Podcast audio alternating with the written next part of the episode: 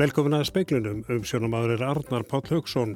Samkomiðbann og aðra rástafanir sem gildi áttu til 13. apríl verða líklega framlengdar til loka mánadarins. Samtök atunlífsins segja mikil vonbriði að verkefliðsefingi skuli hafa hafnað tillögum um að lækka tímabundi mótframlag atvinnureikenda í lífyrirsjóði.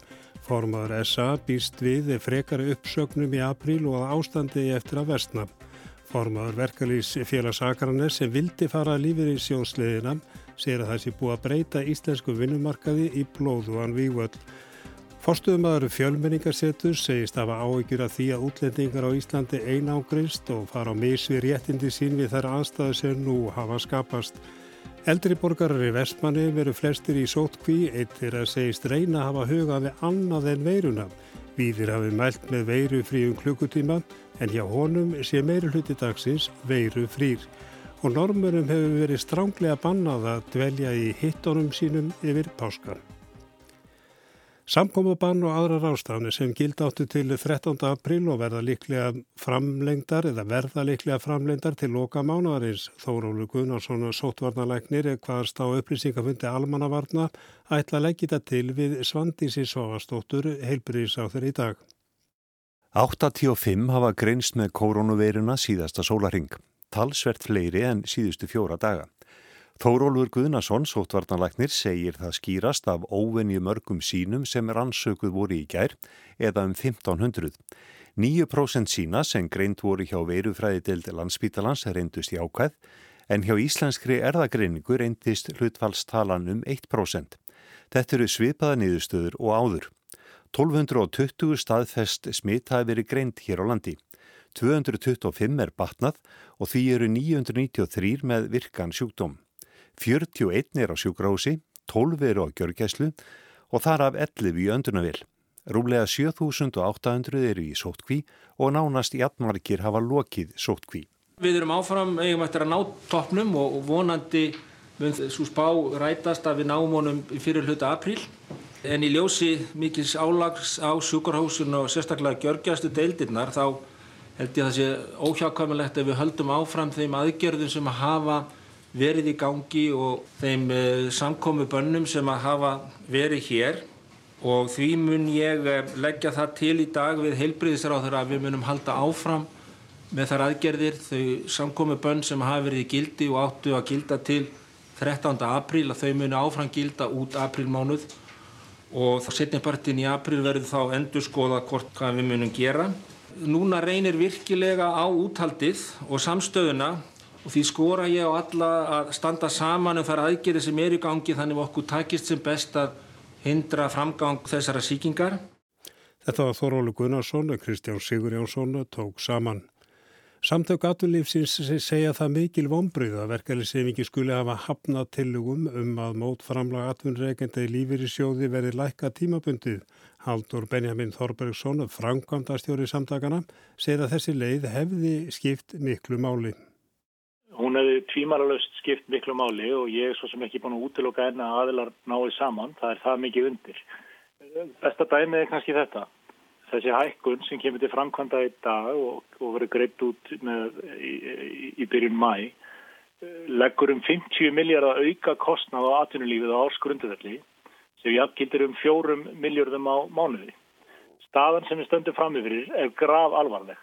Þessi fjármunir er ekki til í íslensku atvinnulífi og hækkun launa á þessum tímapunkti er náttúrulega algjört einstæmi í heiminum. Þegar öll fyrirtæki og samfélög er að glíma við þessa óværu og ljóst að fjöldi fyrirtæki á Íslandi er gjörsamlega komin að fótum fram. Þannig að ég svara þér afdráttarlaust þessi aðgerð myndi skipta sköpum fyrir fyrirtæki landsins og myndi koma í vekk fyrir að þau þyrtu að fækka störfum jafn mikið og raunbyr vitni. Þetta var Haldur Benjamin Þorbergsson, nánari fjallan um þetta mál síðar í speklinum.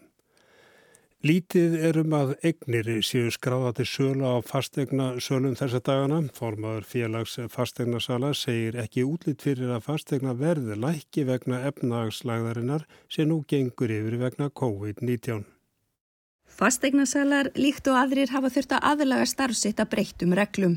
Opin hús hafa meir og minna verið slegin af og reyndir að takmarka fundi í tengslum í gerð kaupsamninga að sögt kjartans Hallgjerssonar formanns félags fastegnasala.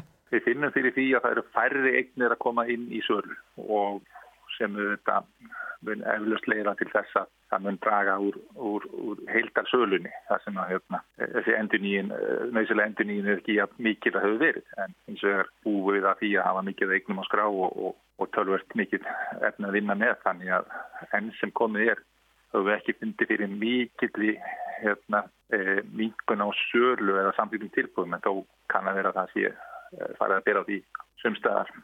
Ef hjól efnagslífsins byrja snúast á nýji sumarbyrjun tilur kjartana áhrifin verði ekki svo íkja mikil. Fastegnasalar vinniða upp síðar á árinu. Eins og er ef þetta færið að dragast fram eftir ári þá myndir það hafa eflust, meiri afleðingar og, og, og sem myndur býtna á minni sölu og minni viðskiptum í heldina sko. Segir kjartana Hallgeirsson að dagni Hulda Erlendstóttir tók saman. Nokkuð um að fólk hafi hætt við sumarbústaðferðir um páskanam. Almannavarnir ráða fólki frá ferðalögum sem kynnað auka álag á heilbriðiskerfið og stjættarfjölög bjóða endugreyslu ef fólk vil hætta við. Pál Mattiasson forstjóri landsbítalans hvati fólki í gær til að ferðast innan hús frekar en innanlands um páskana. Hann sagði að ferðalög þá gætu aukið mjög álag á helbreyðskerfið og gert við erfiðara fyrir að glíma við COVID-19. Víði Reynisson yfir lauruglu þjótt hjá Ríkislauruglustjóra lísti áhyggjum af sumarbústaðferðum og fundi almannavarn í gær og í dag hvattan eigundu sumarhúsa til að hætta við útlegu um páskana. Eigendur Orlofshúsabygðarinnar á Illuastöðum ákváði í síðustu viku að lokanni til 1. mæ til að dragur hætt á smiti. Gísur Kolbensson, fjármála og rekstrarstjóri BHM, sagði í samtal við fréttastof í dag að félagsmenn hefði í morgun verið búinir að afbóka fjórðung sumarbústaðferða um páskana. Hann gerði ráð fyrir mun fleiri afbókunum fram að páskum. Stefán Sveinbjörnsson, framkvæmdastjóri Vaffer, sagði aðsókn í sumarbústæði hafa aukist mjög í faraldreinum. Undanfarið hafi þó borið talsvert á því að fólk hafi hætt við dvölina. Sveit Ingvarsson, forstumar orláfsegna hjá eblingu, sagði mikla eftirspurn eftir sumarhúsum og að fólk væri ekki farið að afboka. Hann sagði þó líkt og aðrir að fólk fengi endur greitt hætti það við dvölina. Brynjan og Þór Guðmursson sagði frá. Yfir 50.000 manns af erlendum uppruna er á landinu og nöysilegt er að ná til þeirra vegna þeirra aðgerða sem gripið hefur verið til vegna farsóttarinnar, segir fórstuðumar fjölmenningasettus. Hælisleitundur og flottamenn séu mjög viðkvæmur hópur. Nú þegar samkomubannir í gildi og margskonar sóttvarnir og stjórnvöld hafi gripið til ímis aðgerða til að tryggja aðkomu fólks er nöðsild að koma öllum upplýsingum fljótt og vel á framfæri. Fjölmenningasetur hefur það hlutverk að greiða fyrir samskiptum fólks af ólíkum uppruna og ebla þjónustu við innflytjendur. Rúnar Helgi Haraldsson, forstöðumar fjölmenningaseturs, segir að farið það verið áttak til að ná til þeirra. Já, við höfum verið að, kortleggja uh, samfélagsmiðla undarfærið og, og erum að reyna að kynna bæði Facebook síðan okkar og, og heimasíðuna þar sem við höfum verið að setja upp upplýsingar bæði varðandi COVID-veiruna sjálfa og það er bara að vísa það á, á COVID.is og einni upplýsingar um aðgerðu ríkistjóðarinnar sem, sem að líta að vinnumarkaðinum eins og atvinnleysisbótarétti og það að geta fengið skert starfslutvall. Við erum að vinna að þessum upplýsingum sem þetta á ýmsum tungumálum. Fólk af erlendum uppuruna hér á landi er eins og gefur að skilja með mismikla þekking á samfélaginu hér og því sem er í gangi og ekki allir með gott tengslanett. Því er hægt á að fólk einangrist og fara á mis við réttindi sín. Og við höfum tilverðar áhyggjur, áhyggjur af því og hefum verið í, í samtali við, ímsa aðla eins og Rauðakorsin, Sveitarfélagin, þá aðalega ekki ekkur borg um, um samstarfi í, í því Ég vona að það verði eitthvað, eitthvað meira úr því að það, að, að, að það verði búið upp á síma þjóðastu fyrir útlendingar. Yfir 50.000 manns af erlendum uppuruna býr hér á landi, langt flesti frá Pólandi og síðan Litáen, en hópurinn er afar fjölbreyttur. Fyrir utan náttúrulega líka það sem eru í hælismæðfrið að hafa fengið, fengið stöðu flottamanns og, og kvota flottamann, það má ekki gleyma þeim heldur. Það er náttúrulega afar viðkamur hópur sem að, að þarf að halda, halda vel utanum. Þetta var Rúnar Helgi Haraldsson og Haugur Holm talaði við hann. Sjárótistráðara hefur ákveði kvóta Íslendinga fyrir magrili, kolmunna og norsk-íslenska síld á þessu ári. Ákverðuninn er byrtist nú fyrr en venjulega og er hlut af aðgerðum stjórnvalda til að breyðast við áhrifum koronavirunar á sjárótu og landbúnað. Leifilegur heildarafli makrils verður 152.000 tonn, kolmur á kótin verður 245.000 tonn og úr norsk-íslenska síldastofnum vega íslenski veiða 91.000 tonn. Samtök aturlífsins lýsi yfir miklu vonbröðu með ákvörðu verkefliðsreyfingarinnar um að hafna tímabundinni lækkun á mótframlagi atvinnureikenda í lífyrirsjóði. Formaður SA telur fullvísta til frekari uppsagna komi í april og að ástandi eigi eftir að vestna. Formaður verkefliðsfélags Akranes segir að vinnumarkaðurinn hafi breyst í blóð og hann vígvöld. Miðstjórn ASI var einhug í dag um að hafna tilugum SA.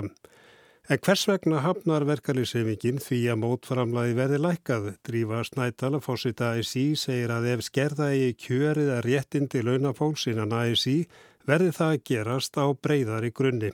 Eh, það þarf að gerast í samtali við stjórnvöld og eh, og fleiri og finna út úr því hvernig þá er hægt að bæta fólki þetta upp. Af því að ef við erum að fara í lækkun mótframlaðs í lífeyrisóð þá skerði það réttindi þeirra sem eiga í svo til framtíðar þú þessi gert tímanböndi. Eh, þannig að það er mjög alvarlega aðgerð að gera slíkt og, og þarf að taka í miklu, miklu stærra samhengi og þeir skilabúðum hefur komið bæðið til samtaka átlýflýsins og til stjórnvalda. Drífa lagði fram þá hugmyndi í síðustu viku að allt samfélagið er lagt í frosti í tvo mánuðum eins og hún orðaða þá myndi hanga á spýtunni að verðhækkanir er þau ekki og ekki heldur uh, hækkanir á neinu húsnaði eða lánum eða neitt slíkt.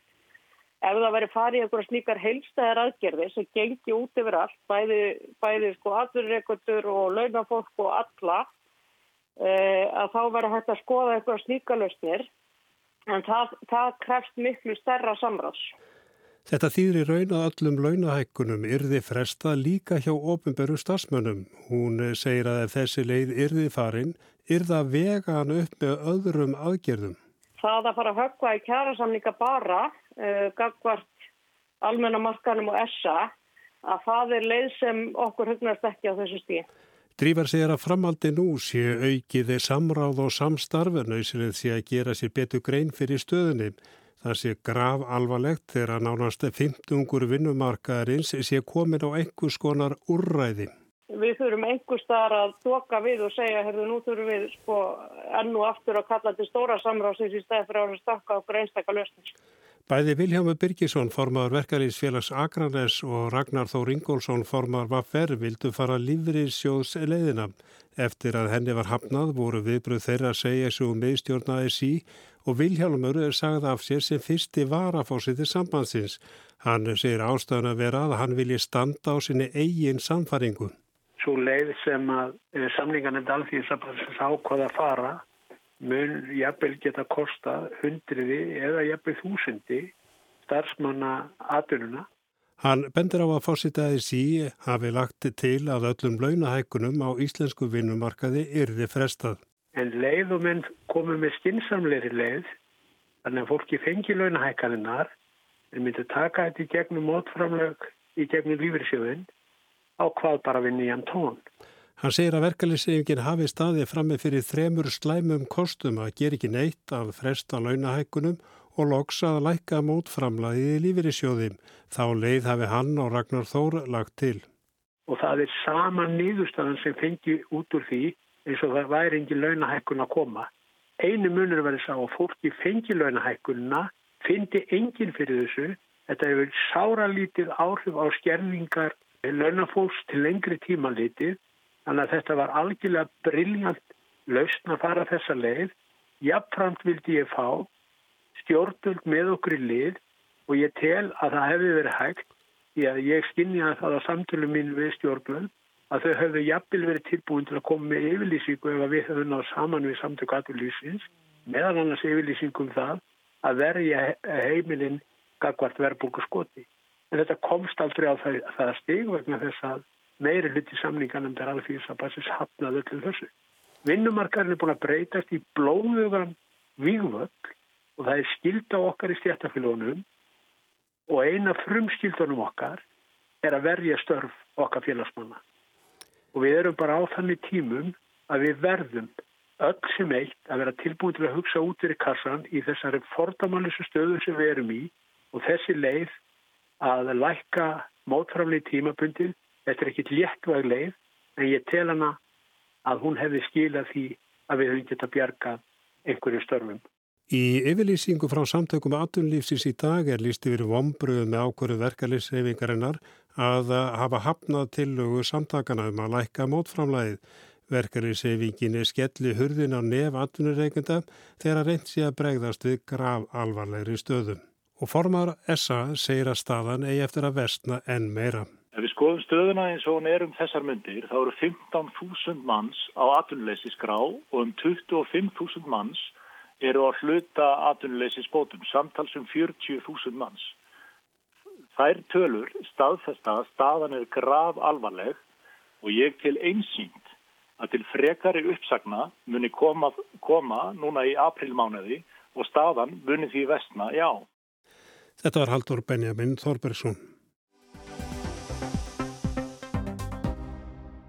Koronaveiru faraldurinn hefur leikið Vestmanæjar grátt. 63 smitt hafa grenst í eigum en þar búa um 4400 manns. Eldri borgarar í bænum eru flestir í sjálfskeipaðri eða aðstandenda skipari sótkví en ekki hafa allir í þessum hópi sloppið. Nokkrir er í einangrun að kljást við veiruna. Félagsstarf eldriborgara í vestmannegjum likur niðri og þjónusta sveitarfélagsins er með breyttu sniði en það er ekki þar með sagt að það sé ekkert við að vera. Speilin heyrði í tveimur eldriborgurum í eigum í dag. Gísli Valtísson, gjaldkeri í félagi eldriborgari í vestmannegjum, skrifar fjölda smita í bænum á það hvað vestmannegjengar séu félagslindir. Hópaðist á byggarleikin og það er mikið, mikið fyrir að hittast og þá auðvitað eru smitleginnar að veldari. Já, Karlalið í BVF treyði sér snemma í marsmániði byggarmistara titil í handbólta. Þetta var áður en samkomiðbanni tók gildi á meðan lífi var enn svo til eðlilegt. Stuðningsmenn flyktust í lögutasöll og leikurinn er raunar talin hafa átt þátt í því að svo margir smituðust í bænum. Það er nóg að gera hjá Gísla. Hann er búin að vera dittað ímsu innanhús, lesa og undirbúa gardin fyrir vorverkin. Ég held að það sitt á næsta sem að kemur fyrir fólk, það er að hefur ekkert að gera. Á koma kvillandi peða fættar öðrum, funglindi og leiði og allt sem að tilhengst líka en ef það hefur nóg að gera, þá líður við bara vel. Það sem að saknar auðvitað held, eh, við erum fullt af barnaböndum og við getum kannski lítið umkringið þau, eða gerum lítið af því. Það er nú alveg reyndar bönnum okkar sem reyna að forða við frá okkur til þess að smita okkur ekki. En það sem að saknar þess Það er vest, það er vest. Nú eru barnabörnin reyndar farin að koma í heimsókn á tölvuskjáun hjá honum. Gísli og konan hans tala líka mikið saman þessa dagana og hann segir samtölinn stundum ratin á nýjar brautir. Þau ræði jafnvel mál sem hafi leið í hálgerðu þagnargildi áður. Nú sé þetta ræðu þau í frið og ró. Gísli segist ekki beilinnis óttaslegin vegna veirunar en að hann langi ekkert að veikjast og reyna að forðast það eftir fremsta megni. Þau hjónin far ekki búð og lítið út. Hann segi mikilvægt að halda huganum uppteknum við annað. Víði Reynisson hafi mælt fyrir um veirufrían klukkutíma en hjá þeim hjónum sé gengið enn lengra. Við tökum eiginlega meiri partina af deginum í því að hugsa ekki veirun heldur eitthvað allt annað.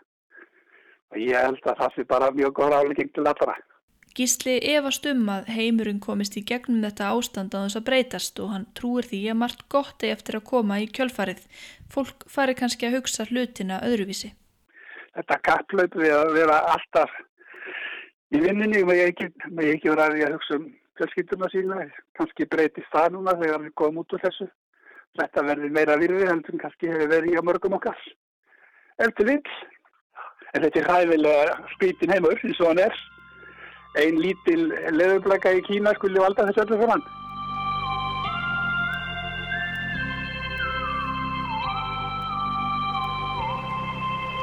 Annar eldriborgari í Vestmannegjum, Kristján Valur Óskarsson, var eitthvað að baksa niður í veiðarfæraskúr með bróður sínum þegar að speillin heyrði í honum í dag. Þeir voru að hittast eftir tveggja vikna aðskilnað, bróðirinn nýsloppin úr sótkví. Langaði svona að sjá framann í hann, veit að hann og nokkuð elst við þetta Kristján var sjómaður, skipstjóri og útgerðamaður og segist hafa verið svo heppinn að fá að verða eldriborgari líka og nú leik hann sér. Og, og eins og í þessu ástandi sem er í dag, þá læta mér sér ekkert leiðast. Ég er búin að vera með tölvu og, og videodell að taka myndir í mörg, mörg ár og á meðal annars videovitöl við 80 manneskjur, mér eldri manneskjur og er að leika mér að klippa þetta og setja þetta inn á Facebook og svo í gæra þá ætlaði ég nú svona bara hafa gaman aðeins og ég ætlaði að fara að kenna eldri borgarum í félagin okkar að hérna fara inn á, á App Store og ná sér í post af því ég kom með soliði sjálfur og dunda við það á kvöldin þegar ég kom hann upp í að því að maður hættar að snúa sér að konunni, það býðir ekki neitt orðið hann var svo gaman sko. Það er eiginlega bara vorun á husti Kristján segir að dætur hans hafi raun sett sig og frúna í hálgerða sóttkví fyrir tveimur vikum og þar þið enn. En erum þó að para og hinsækja eldriborgara sem að enginn kemur til? Og þessi veira, hún getur ekki verið að smita þá sem að para ekki neitt og svona það hlýtar að vera í lægi sko, eða við hugsaum þannig allavega við látum okkar ekkert leiðast. Hann segir að það hljóta vera erfiðar að vera einn í þessu ástandi, þau hjónin hafi hvort annað. Og í svona einangurun og vera svona einangur eins og hjá okkur hjónuna, margir skítrættri við hjónabandi en, en það búið að reyna svo vel á þetta hjá okkur, við erum búin að vera gift í 50 ár. Þetta var vest eftir að maður hérna kom í land, hætt á sjónan, þegar maður ætlaði að fara að skipta sér aðeins í eldúsjun og svoleiði sko það var ekki alveg. Kristján segist að það var áhyggjur á framtíðinni og áhrifum kórnuverunar, ekki bara í tengslum við Íslandi eða Vestmannegar heldur heiminn allan. Það er svo margt sem á eftir öruglar rinja og, og hérna eins og hjá mörgum fyrirtækjum ég rosalega þakkláttu til dæmis að vera hættur fyrirtækjarekstri. Ég bara finn til með þessu fólki sem stendur í þessu núna og bara ungu fólki líka því að auðvitað að tala um þetta leggist ekki á ung fólk en, en það er nú fara að sína sig að gera það bara líka. Solrún Gunnarsdóttir, deildarstjóri í öldrunarmálum hjá Vesmanægabæ, segir að það hefði tekist að halda heimaþjónustunni vel gangandi. Dagdvölinn er svo reikinn með breyttu sniði. Öldrunarþjónustu er í meiri mæli send með símtölum og stemtir að því að heyra í sem flestum eldri borgurum í bænum á næstu dögum, séralagi þeim sem búa einir. Starfsemi félags eldriborgara í bænum liggur um östu niðri, engin spilakvöld, engin leikfimi eða söngæfingar, en það er ekki þar með sagt að það sé ekkert um að vera. Níu tíu eldriborgarar í bænum taka þátt í heilsu eblingu Janusar Guðlökssonar íþróttakennara, fari í gungutúra og gera fjaræfingar heim í stofu. Fyrirkomulagi þjálfunarinnar og öllu vinnulagi kringumanna var gjör breytt í einni svipan vegna faraldursins og búið að taki gagnið stúdíó til að taka upp kennslumyndbund. Janus segir að þjálfunin gangi vel og aðstandendur séu duglegir að hjálpa þeim sem að þurfa tækniðastóð. Þessa dagana eru Janus og félagar að ringja í þáttakendur og kanna hvernig gengur og hvernig þeim líður. Já, þeir, þeir takaði afskaplega vel að, að, að fá símtal frá okkur. Við erum náttúrulega búin að vera líka í námlum samskiptum við þau og þetta er svona eiginlega frákværsvinginni frá okkur líka, ekkert síðu þeim og gaman að heyri í þeim. Hálftíma gungutúr á dag getur skipt sköpum á þessum tímu. Við bæði styrkjum ánæmiskerfi með, með reglulegri göngu og, og svo höldum við lilleganum og kannski andanum ekkert síður við. Og á góðir í stjóðum má enn sjá eldra fólk á gangi á útivistarsvæðum í Vesmanægabæ. Arnildur Haldunadóttir tók pistilinn saman. Normenni glíma við útbreyslu korunverunar eins og aðrar þjóðir. Þeir eru vanir að breyða sér á páskafjallið eins og þeir segja eða fari hittunar sínar um páskana en nú breyður svo við að þeim er reynilega bannað að fara på páskafjallið. Gísli Kristjánsson í Oslo, þetta leggst tungt á normenn. Já, það má segja að þetta nýsti alveg inn að beini í þjóðarsálinni. Hér eru minst 400.000 hittur og fjöllum og það er eh, hefð fyrir því som nokkuð löng að fólk fer úr bæjónum, það er tæmast bæirnir og fólk fer til fjalla og er þá allt undir að vera tíu daga í hittunni sinni. En En nú er búið að setja reglugjörða á grunduvilli sótvarnar laga þannig að eh, ferðir í hittuna eru bannaðar. Þannig að það varðar sektum að, að, að rjúfa þetta bann og, og þetta verða menn að sætta sig við núna og þá setja menn í, í Óslo og í öðrum bæjum og býða eftir að ja, koronaveðnar gefið sig. En samkominnbannið er það já, strángar en hér á Íslandi?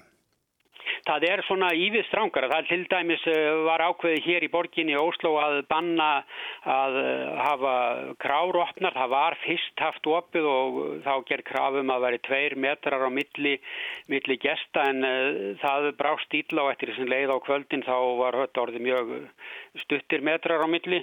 Þannig að það var ákveðið að borgin að, að loka öllu þessu. Það má ekki hafa neina staðis líka opna en það má selja til að taka með heim annað ekki. Og vinnveitingar, þær eru bannaðar að banna að sjenga? Já, það er bannað líka sko, en það er opið í ríkinu og opið í, í maturubúðum sem selja bjór, en það er bannað að, að, að, að skenga, eins og mann segja hér sko, á veitingarstöðum.